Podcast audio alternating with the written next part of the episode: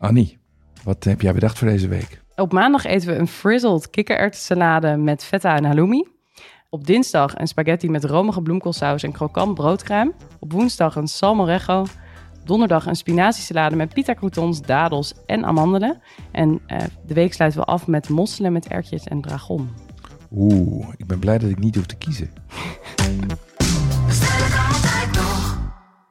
Ehm, ik zat al te kijken, frizzelen. Ik, eh, ik ben van de generatie dat wij nog frizzle sizzle kenden.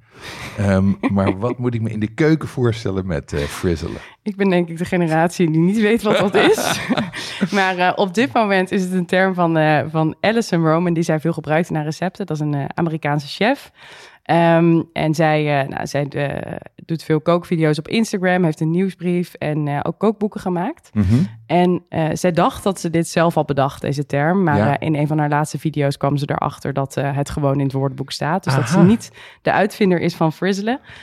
maar ze gebruikt het wel vaak in haar recepten. En het is ik vind het leuk. Het zit een beetje tussen uh, karamelliseren. Dus ja. waar je bijvoorbeeld uien heel zacht en bijna een beetje alsof, uh, alsof het uh, jam wordt kan bakken. Mm -hmm. En echt krokant gebakken. Zoals gebakken uitjes die je bijvoorbeeld op een Aziatisch gerecht nog eet. Ja. en haar definitie is dat je dus eigenlijk het bakt uh, op een beetje hoog vuur, high-ish heat. High-ish, ja. Met uh, veel olijfolie en zout. En daar kan je gewoon veel dingen uh, echt lekker mee maken. Dus het is een leuke techniek. Leuk. En in deze salade worden de kikkererwten gefrizzeld. Ja, ja, en dat is ook het enige eigenlijk koken wat er aan dit recept te pas komt. Dus dat is in de zomer ook niet verkeerd. perfect voor een warme dag. En nou, die mening deel ik met Allison. Ik vind kikkerart uit een blik gewoon niet mega boeiend. Nee. Uh, en jullie hebben natuurlijk wel eens uitgelegd bij Podcast hoe je zelf je kikkererwten kan weken en kan koken. Maar op een doordeweekse dag uh, uh, krijg ik dat toch er echt niet doorheen. Nee. dus dan gaan we wel voor blik. Maar wat kan je dan doen om die extra lekker te maken? Dat vind ik leuk. en zij bakt ze dus in olijfolie en zout. Mm -hmm. ze frizzelt ze. Dus ze worden niet te knapperig, maar ze worden ook niet zacht. Um, ze uh, karamelliseren eigenlijk, uh, eigenlijk mooi. De schilletjes worden iets wat uh, krokant, krijgen ja. wat krokante randjes. Ja. Het is een soort van perfect ertussenin. Ze heeft overigens een video waarin ze dit ook goed uitlegt. Die, okay. die staat ook via het linkje in de show notes, kan je die vinden. dan kan je het één keer meekijken en daarna wil je nooit meer anders. Dus dan weten we de, de, de, de flauwe kikkererwten weten we te pimpen door ze te frizzelen. Wat gooi je verder door de salade? In die salade gaat vooral veel verse kruiden, zoals dille, peterselie, munt of wat je hebt liggen. Gedroogde oregano, dat is wat uh, sterker van smaak. Ja. Uh, en uh, wordt, kan je afmaken met feta of halloumi. en nou, dat maakt echt een hele lekkere zomerse combi. Ik kan het echt aanraden. Klinkt super. Klinkt ook super gezond. Um, dus, maar ik, gelukkig zie ik dat er ook een romige pasta op het menu staat. Ja, ja, dinsdag gaan we voor een romige bloemkoolsaus. Maar uh, uh, tegen je verwachting in, zonder boter of veel room. We Ja. gaan wel in dat opzicht dus voor een zomerse variant. Eh, want eigenlijk kan je van bloemkool zelf een hele romige saus maken. Eh, in dit recept van Jamie Oliver kook je die bloemkool in melk. Ja? Eh, en eh, samen met cheddar. En dan dus niet die plastic plakjes, maar eh, zeg maar de echte, Echte? blokkaas Ja. wat je raspt. Maak je eigenlijk een soort romige bloemkoolkaassaus. Dus eh, wat retro combinatie eh, in een, eh, in een eh, wat frisser pasta gerecht. Eh, en eh, nou ja, eh, samen met dus die eh, saus die je hebt eh, glad gepureerd van, eh, van bloemkool. En wat je doet in het recept, wat je bij veel pasta recepten doet, is een kopje kookvocht bewaren. Waar Ja. veel, veel starchy water zit, Ja, veel ja, zetmeel in. Klopt. Dat in combinatie met die bloemkoolsaus maakt eigenlijk een hele romige pasta zonder dat het mega zwaar wordt. Helder. Nou, dit klinkt ook wel eens een gerecht met eh, verstopte groenten. Vooral voor jonge ouders is dat vaak een, eh, is dat vaak een mooie oplossing. Ehm, hoe, hoe dien je die pasta verder op? Deze pasta wordt bestrooid met eh krokant broodkruim. Dat kan je van oud brood maken, maar ik heb dat zelf niet altijd liggen. Eh, en panko werkt ook goed. Dus dat, is, eh, dat kan je in de supermarkt kopen. Dat is Japans paneermeel, wat wat groffer is. Wat eigenlijk Mhm. dus ook een soort grove kruimels zijn. En die kan je eh, ook krokant bakken. Ehm, en wat leuk is aan dit recept is dat je niet alleen het wit van de bloemkool gebruikt voor de saus, maar ook de bladeren. Die hak je ook fijn Ja. in de keukenmachine. En dat doe je door de kruimels. Dus je gebruikt eigenlijk de hele bloemkool. Maar frizzle je de bloemkoolbladeren dan eigenlijk? Nou, eigenlijk wel. Leuk. Ehm, hey, wat is het gerecht van de week? Eh, mijn gerecht van de week is een Spaanse salmorejo.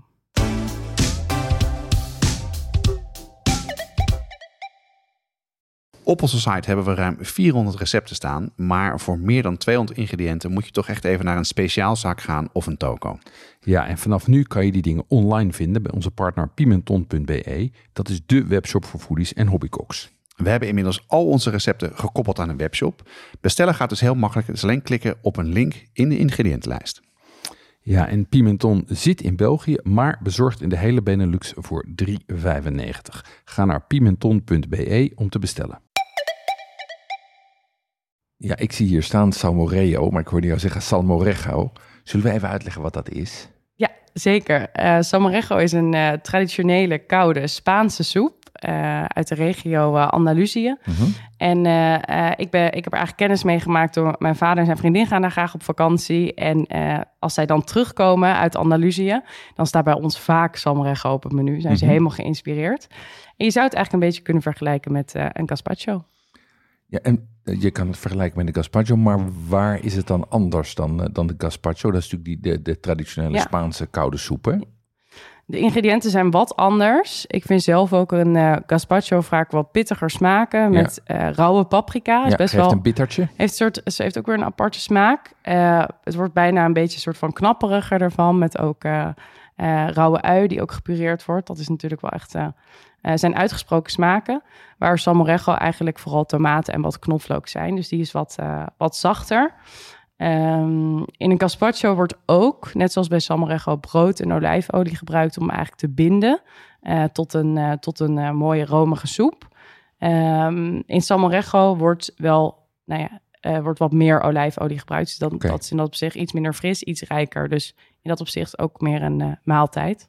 En uh, het lijkt allemaal wat simpel. De eerste keer dacht ik echt tomaat, azijn, knoflook, oud brood. Weet je wel, wat, Ja. wat is dit? Maar het wordt met elkaar echt een, een heel mooi, romig, smakelijke soep.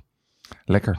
Um, en die soep, die ken ik, daar kan ik me wat bij voorstellen. Maar ik neem aan dat dat niet enig is wat je eet. Als Zo'n een kom, een kom koude soep, of wel? Nee, nee, nee. Er worden verschillende toppings gebruikt. Ja. En uh, wordt vaak geserveerd met uh, heel fijn gesneden hardgekookt ei. Dus dan heb je dat soort van eiergruis wat je erop kan Ja, doen. Ook fijn voor het mondgevoel. Ja, en daarnaast zit er een krokante topping op van bijvoorbeeld uitgebakken serrano ham.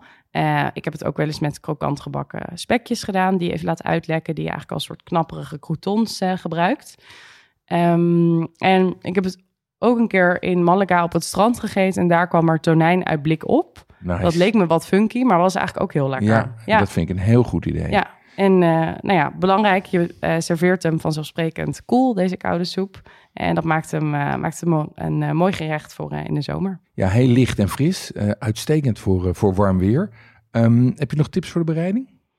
Uh, het, is, het is ook lekker als de smaken een beetje, een beetje in kunnen trekken. Dus wat ik vaak doe, is het gewoon s ochtends vroeg al maken. En dan kan het en goed koelen in de ijskast, dat je hem echt koud kan serveren.